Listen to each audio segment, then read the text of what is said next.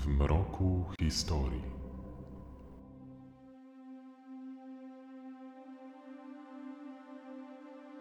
Historia zapamiętała Józefa Cypka jako wcielenie największego zła.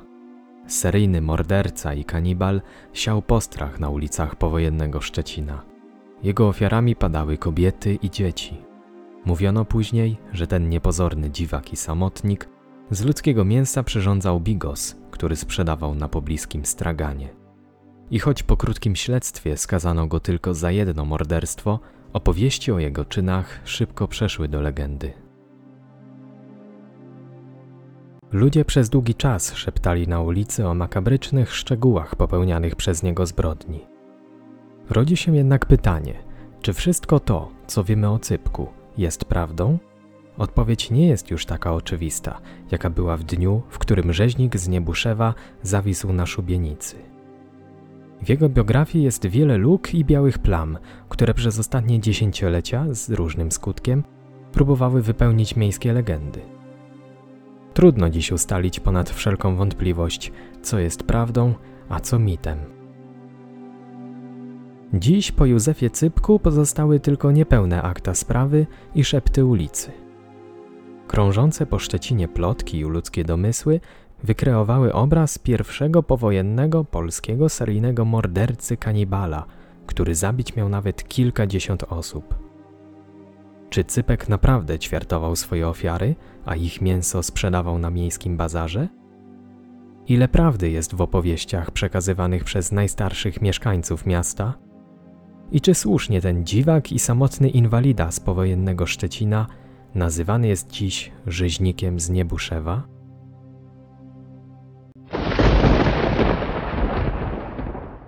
Józef Cypek, rzeźnik z Niebuszewa.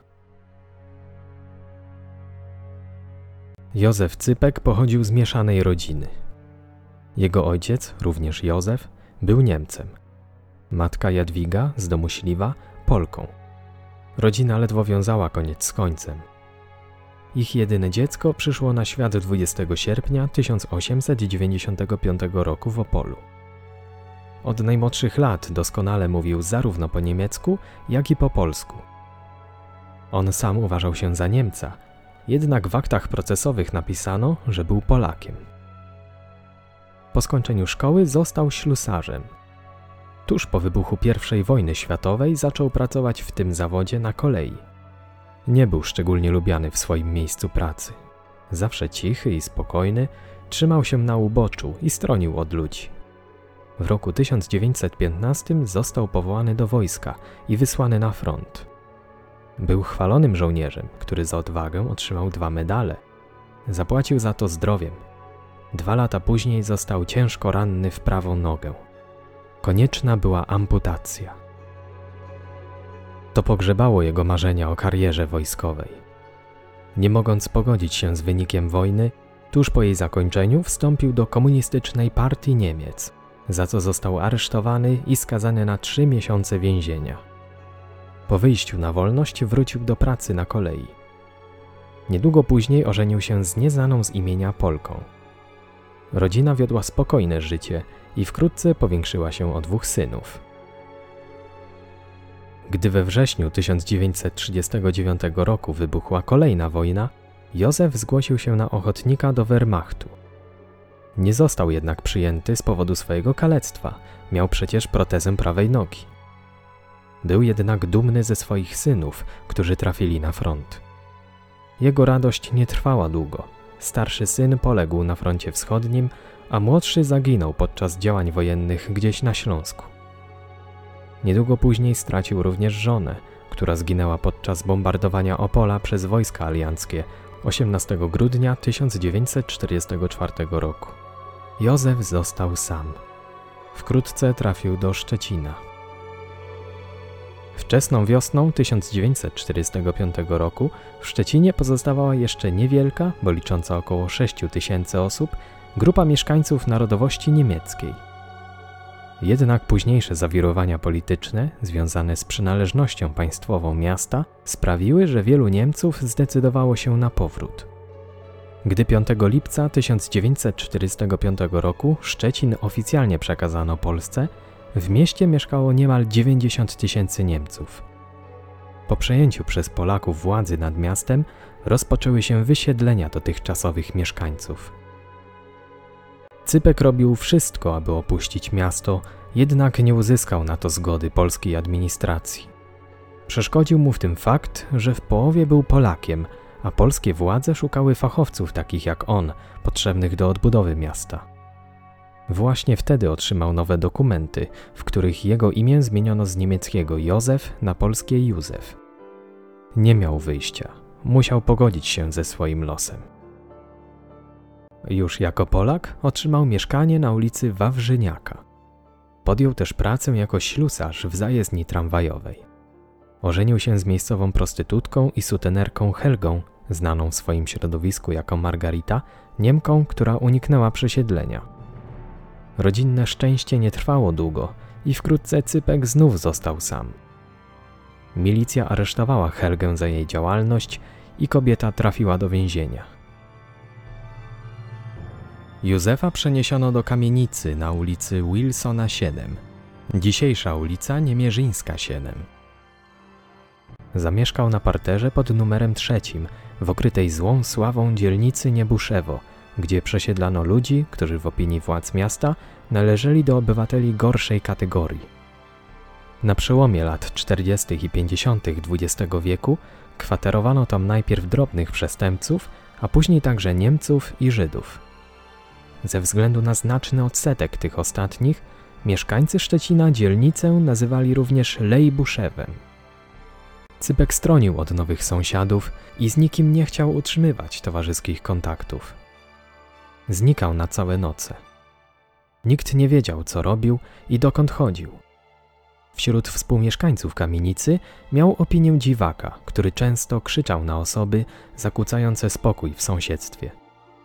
Najbardziej przeszkadzały mu bawiące się dzieci i plotkujące pod jego oknami kobiety.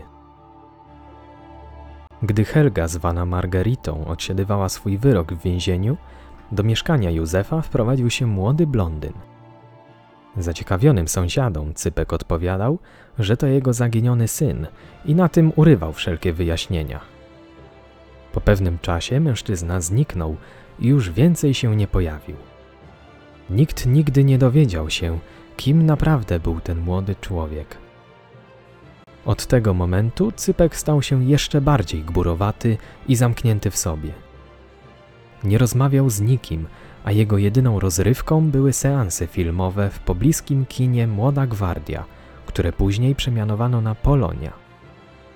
I pewnie już do końca swojego życia Józef pozostałby dla wszystkich jedynie niegroźnym dziwakiem, gdyby nie czyn, którego Cypek dopuścił się 11 września 1952 roku. Późniejsze milicyjne śledztwo wykazało, co wydarzyło się tego dnia na ulicy Wilsona 7. Józef Jarosz, mieszkający w tej samej kamienicy co Cypek, wrócił do domu wcześniej niż zwykle. W swoim mieszkaniu zastał sąsiadkę Zofię, która opiekowała się jego kilkumiesięcznym dzieckiem. Kobieta była umówiona z żoną Jarosza, dwudziestoletnią Ireną. Gdy przyszła o ustalonej porze, w mieszkaniu znajdowało się tylko dziecko. Młoda matka zaginęła bez śladu. Dodatkowo z domu zniknęła pierzyna. Brakowało również koca, prześcieradła, garnituru i dwóch męskich zegarków. Zaniepokojony mąż rozpoczął poszukiwania zaginionej Ireny. Podczas przeszukiwania sąsiedztwa Jarosz przypadkiem zajrzał przez okno do mieszkania Józefa Cypka. Ku swojemu zaskoczeniu dostrzegł pierzynę, która należała do jego żony. Próbował dostać się do środka, jednak zarówno drzwi, jak i okna były zamknięte. Przerażony zawiadomił milicję. Przybyli na miejsce funkcjonariusze postanowili poczekać na powrót Cypka, który w tym czasie przebywał w kinie. Gdy wrócił, bez żadnych oporów wpuścił milicjantów do środka. Według milicyjnych notatek, oczom mężczyzn ukazał się makabryczny widok. W pokoju na kanapie leżały zwłoki kobiety z odciętą głową, rękami, nogami i wyciągniętymi wnętrznościami. Ręce jedno udo przy szafie. Wnętrzności w wiadrze pod oknem. W kuchni na zlewie, krzesłach i drzwiach czerwone plamy. Część nieudolnie pościerana. Na półce przy kaflowej kuchni miska do połowy wypełniona czerwoną cieczą. Obok maszynka do mielenia mięsa ze śladami mielenia. Na talerzach serca i wątroba ludzka. Na stole, na patelni, niedojedzona jajecznica z jakimś tłuszczem. Obok chleb ze smalcem, sałatka z pomidorów i kawałek surowego mięsa, chyba wołowego. Po mieszkaniu walały się butelki po piwie i wódce. Jarosz potwierdził, że zamordowana kobieta to jego żona. Obecny na miejscu zbrodni milicjant napisał w swoim raporcie. W toku dalszej rewizji w mieszkaniu oskarżonego Cypka Józefa ujawniono leżące na kanapie pokawałkowane zwłoki płci żeńskiej, które rozpoznał obywatel Jarosz jako zwłoki jego żony Ireny po ogólnym wyglądzie i budowie. Józef Cypek został natychmiast aresztowany, zakuty w kajdany i odwieziony do aresztu. Lekarz, który przeprowadzał sekcję zwłok, odnotował. Brak głowy. Nie wiadomo więc, co było przyczyną śmierci. Inny lekarz na końcu sprawozdania z sekcji zwłok dopisał. Sposób poćwiartowania zwłok. Jednorazowe cięcia, bez powtórzeń, równo w stawach i wydobycie narządów wewnętrznych świadczą o pewnej fachowości sprawcy i wprawnej technice cięcia. Władze postanowiły rozprawić się bezwzględnie z mordercą. I to jak najszybciej. Sąd zdecydował się jednak utajnić proces ze względu na obawy, że niemieckie pochodzenie oskarżonego może wywołać w Szczecinie antyniemieckie nastroje. Bano się, że gniew polskich mieszkańców może doprowadzić do niepokojów społecznych oraz zamieszek, a nawet do pogromów mniejszości niemieckiej. Już dwa dni po odkryciu makabrycznej zbrodni do sądu trafił akt oskarżenia. Rzeźnik został oskarżony o dokonanie zbrodni na tle seksualnym. Mężczyzna do wszystkiego się przyznał, a podczas przesłuchań dokładnie opowiedział o szczegółach dokonanego morderstwa. Józef Cypek zeznał, że dwudziestoletnia Irena Jarosz od dawna mu się podobała. Gdy feralnego dnia zapukała do jego drzwi, aby pożyczyć szklankę mąki, Cypek postanowił wykorzystać sytuację. W zamian za mąkę zaproponował sąsiadce odbycie stosunku płciowego. Gdy kobieta odmówiła, mężczyzna w gniewie zatłukł swoją ofiarę młotkiem. Po dokonaniu zbrodni rozczłonkował ciało, a odciętą głowę zatopił w pobliskim jeziorze zaporowym Rusałka, położonym w północnej części Parku Kasprowicza przy ulicy Słowackiego. Resztę ciała zamierzał wynieść w częściach z domu i także zatopić. Dodał, że pierwotnie planował zakopać ciało w lesie, jednak zrezygnował z tego pomysłu, gdyż nie posiadał łopaty. Proces rozpoczął się 17 września 1952 roku i zakończył tego samego dnia. Przyznanie się Cypka do popełnienia zbrodni sąd uznał za najmocniejszy dowód jego winy. Znaleziono także wytłumaczenie rozbieżności pomiędzy wynikami sekcji zwłok Zbrodni dokonała osoba doświadczona w porcjowaniu mięsa, a umiejętnościami cypka, który z zawodu był ślusarzem, a nie rzeźnikiem lub chirurgiem. Uznano, że znaleziona w jego mieszkaniu niemiecka książka lekarska wystarczyła, aby morderca uzyskał fachową wiedzę na temat rozczłonkowania ciała. Obciążające były również zeznania przesłuchiwanych w trakcie śledztwa sąsiadów, którzy opowiadali o dziwnym zachowaniu Cypka zarówno przed, jak i po morderstwie. Jedna z kobiet, niejaka Wanda Tonder, opowiedziała milicjantom o tym, jak tuż po zaginięciu Ireny Cypek w sposób bardzo ironiczny ubolewał nad faktem, że Jaroszowa pozostawiła swoje dziecko na pastwę losu. Józefa Cypka uznano za winnego dokonania morderstwa z premedytacją i skazano na karę śmierci przez powieszenie. Będąc w więzieniu, skazaniec poprosił ówczesnego prezydenta RP Bolesława Bieruta o łaskę.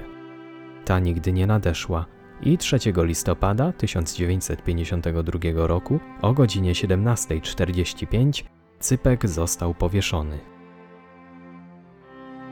Śmierć Cypka na szubienicy dała początek miejskiej legendzie.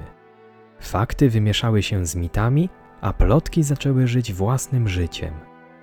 Tak oto narodził się rzeźnik z Niebuszewa, okrutny, seryjny morderca i kanibal, który pod osłoną nocy mordował kobiety i dzieci, a z ich mięsa przyrządzał bigos, który sprzedawał później na miejskim targu. Nagle okazało się, że mieszkańcy okrytej złą sławą kamienicy wszystkiego się domyślali. Każdy czuł charakterystyczną woń wydobywającą się z mieszkania nielubianego dziwaka i słyszał dziwne odgłosy. Szybko pojawił się również motyw handlu ludzkim mięsem, o którym wszyscy w Szczecinie szeptali, ale nikt nie miał odwagi mówić tego głośno. Według tej legendy Cypek pozostawał w dobrych stosunkach z rzeźnikami pracującymi w masarni przy ulicy 3 Maja. I to właśnie im sprzedawał rozczłonkowane części ciał swoich ofiar, głównie dzieci. W historii tej znalazło się również miejsce dla wspólniczki rzeźnika, bileterki z kina Młoda Gwardia, która miała odsyłać do Cypka niewinne ofiary, najczęściej dzieci, którym zabrakło kilku groszy na zakup biletu do kina. Ile prawdy jest w tych wszystkich opowieściach o szczecińskim kanibalu? Faktem jest to, że Józefa Cypka oskarżono i skazano wyłącznie za jedno morderstwo dokonane na Irenie Jarosz. I w zasadzie tylko to jest dziś pewne. Akta procesowe nie zawierają natomiast nawet najmniejszej wzmianki o zamordowanych dzieciach. Nie ma tam również nic na temat handlu ludzkim mięsem. W późniejszych wersjach tej opowieści mówiono także o tym, że Józef swoje ofiary rozczłonkowywał w podziemiach gmachu dzisiejszego Wydziału Kształtowania Środowiska i Rolnictwa Zachodniopomorskiego Uniwersytetu Technologicznego na ulicy Słowackiego. Notatka milicyjna wspomina o talerzach, na których znajdować się miały ludzkie organy, takie jak wątroba i serce. Jednak zarówno podczas przesłuchania Cypka, jak i w trakcie późniejszego procesu nie zadano oskarżonemu ani jednego pytania na temat tego znaleziska. Zupełnie tak, jakby milicyjna notatka znalazła się w aktach sprawy dopiero po procesie. Kilka tygodni po egzekucji rzeźnika postanowiono osuszyć jezioro Rusałka. Na dnie zbiornika odnaleziono wtedy kilka, niektóre źródła mówią o kilkunastu, ludzkich czaszek, głównie dziecięcych. Nikt wtedy nie potrafił odpowiedzieć na pytanie, do kogo te czaszki należały i jak się tam znalazły. Wiadomość o tym makabrycznym odkryciu szybko rozniosła się wśród ludzi. Po jakimś czasie powiązano ten szczegół z historią rzeźnika z Niebuszewa i tak już zostało. Znalezisko idealnie pasowało do historii o szczecińskim kanibalu. W kolejnej wersji legendy Cypek stał się byłym SS-manem. Pamięć o niedawnych niemieckich zbrodniach wojennych wzmacniała wrogość polskich mieszkańców Szczecina do wszystkiego co niemieckie. Nagle Józef Cypek przestał być półpolakiem i stał się czystym Niemcem, a w dodatku SS-manem. Tylko ktoś taki mógł dopuścić się tak potwornych zbrodni. Nikt nie zwrócił uwagi na fakt, iż Józef nie miał najmniejszych szans na przyjęcie do SS. Wykluczało go kalectwo, przecież zamiast jednej nogi miał protezę. Wykluczało go również to, że był zbyt niski. Mężczyzna miał zaledwie 158 cm wzrostu. Nic nie wskazuje na to, że Józef Cypek miał stragan, sklep lub inne miejsce, gdzie mógłby sprzedawać wyroby z ludzkiego mięsa. Znał za to dobrze dwóch rzeźników, Niemców Güntera i Hansa oraz pracownicę masarni Johannę. Wszyscy troje na szczecińskim bazarze sprzedawali robiony przez siebie bigos. Nie ma jednak żadnych dowodów, że potrawa ta zawierała ludzkie mięso. Istnieje także hipoteza mówiąca, że Cypek sam był kanibalem. Jednak na to również brak jest jakichkolwiek dowodów, a Józef nigdy się do tego nie przyznał. Wątpliwości mogą natomiast budzić niektóre jego zeznania, złożone przed i w trakcie procesu. Świadkowie, którzy byli obecni na sali rozpraw, opisywali oskarżonego jako człowieka o wyglądzie kogoś, kto został dotkliwie pobity. Czy zatem zeznania rzeźnika zostały wymuszone pobiciem lub torturami, jak chce tego jedna z kolejnych wersji tej historii? Również na to nie ma dowodów. Istnieje jednak pewna historia, która sprawia, że zbrodnia Józefa Cypka przestaje być tak oczywista.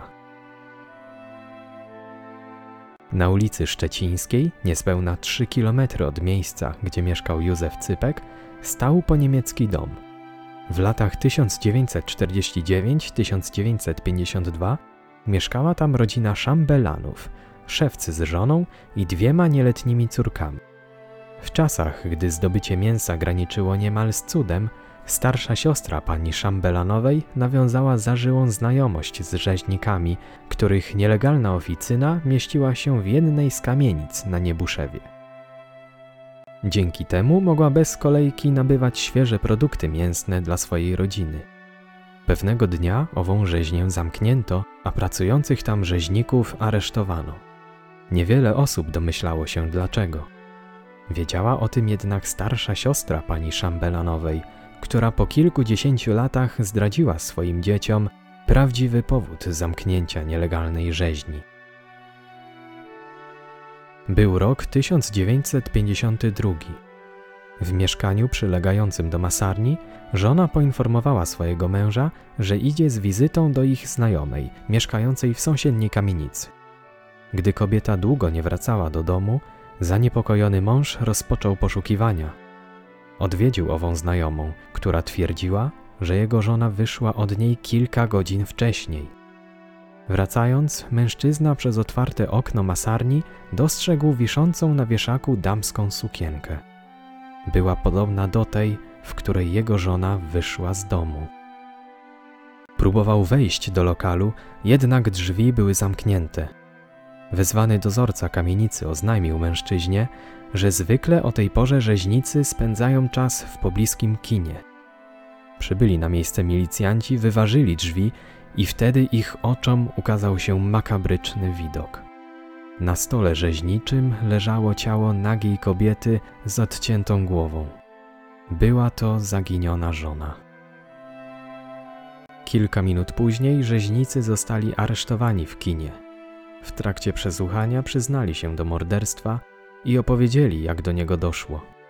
Kobieta, która prawdopodobnie w drodze powrotnej chciała kupić porcję mięsa, weszła do oficyny przez tylne drzwi, których rzeźnicy zapomnieli zamknąć. Tym samym stała się świadkiem ćwiartowania ludzkich zwłok w celu przerobienia ich na mięsne porcje. Złapani na gorącym uczynku rzeźnicy stwierdzili zgodnie, że nie mają innego wyjścia. Muszą zabić świadka. Opowieść ta, poza drobnymi szczegółami, łudząco przypomina historię o Józefie Cypku. Zgadza się rok, miejsce wydarzeń i sposób odnalezienia zwłok zamordowanej kobiety. Czyż nie mogło być tak, że morderstwo, które popełnił Cypek, wskutek przeinaczonych plotek zostało powiązane z historią zbrodni w nielegalnej masarni ze szczecińskiej dzielnicy Niebuszewo? A może zrobiono to celowo? Istnieje przecież teoria, która mówi wprost, że zbrodnię Józefa Cypka wykorzystało Ministerstwo Bezpieczeństwa Publicznego do zatuszowania wcześniejszego morderstwa, w które zamieszany miał być bardzo wpływowy żydowski gang rzeźników sprzedający na szczecińskim targu ludzkie mięso.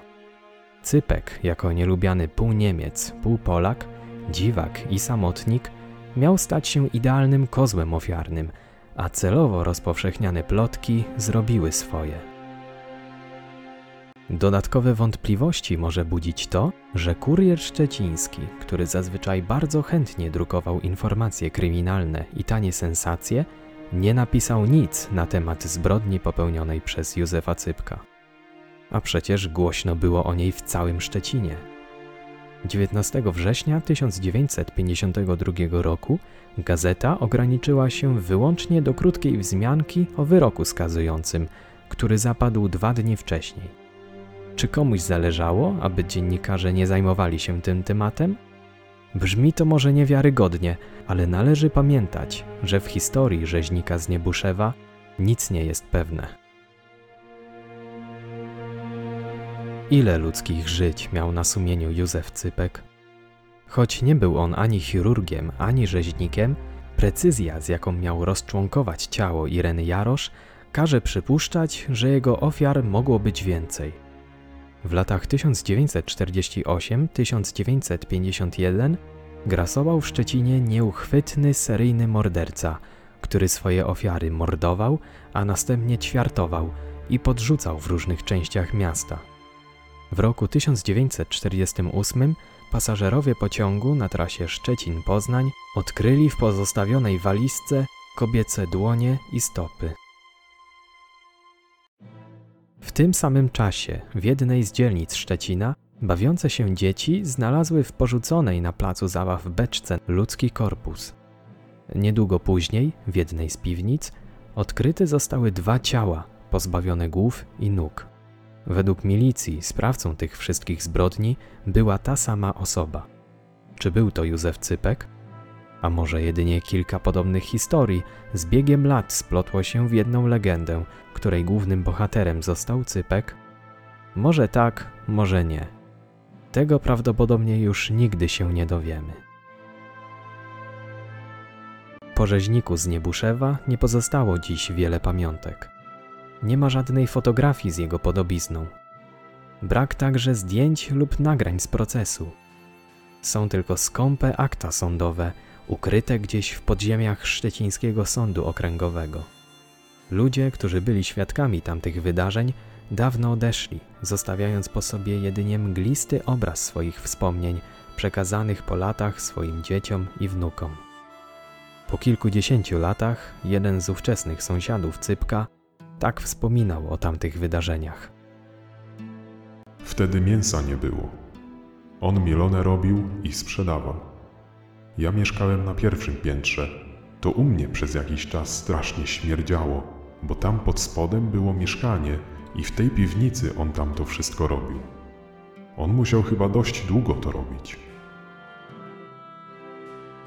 Kilka dekad później rodzi się jednak pytanie: czy ludzie, którzy razem z rzeźnikiem mieszkali w kamienicy, zapamiętali prawdziwego Józefa Cypka? A może zapamiętali wyłącznie miejską legendę o nim?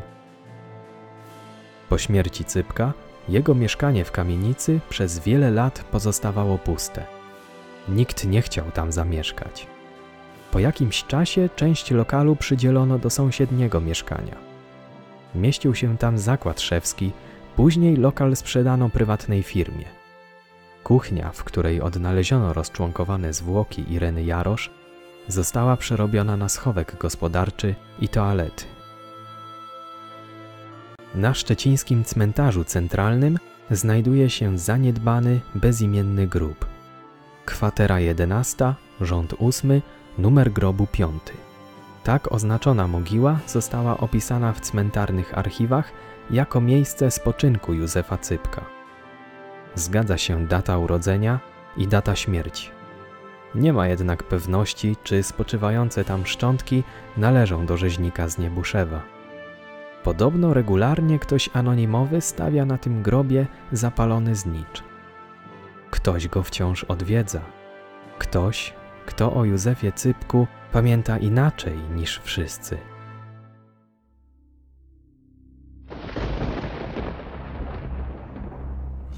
W mroku historii.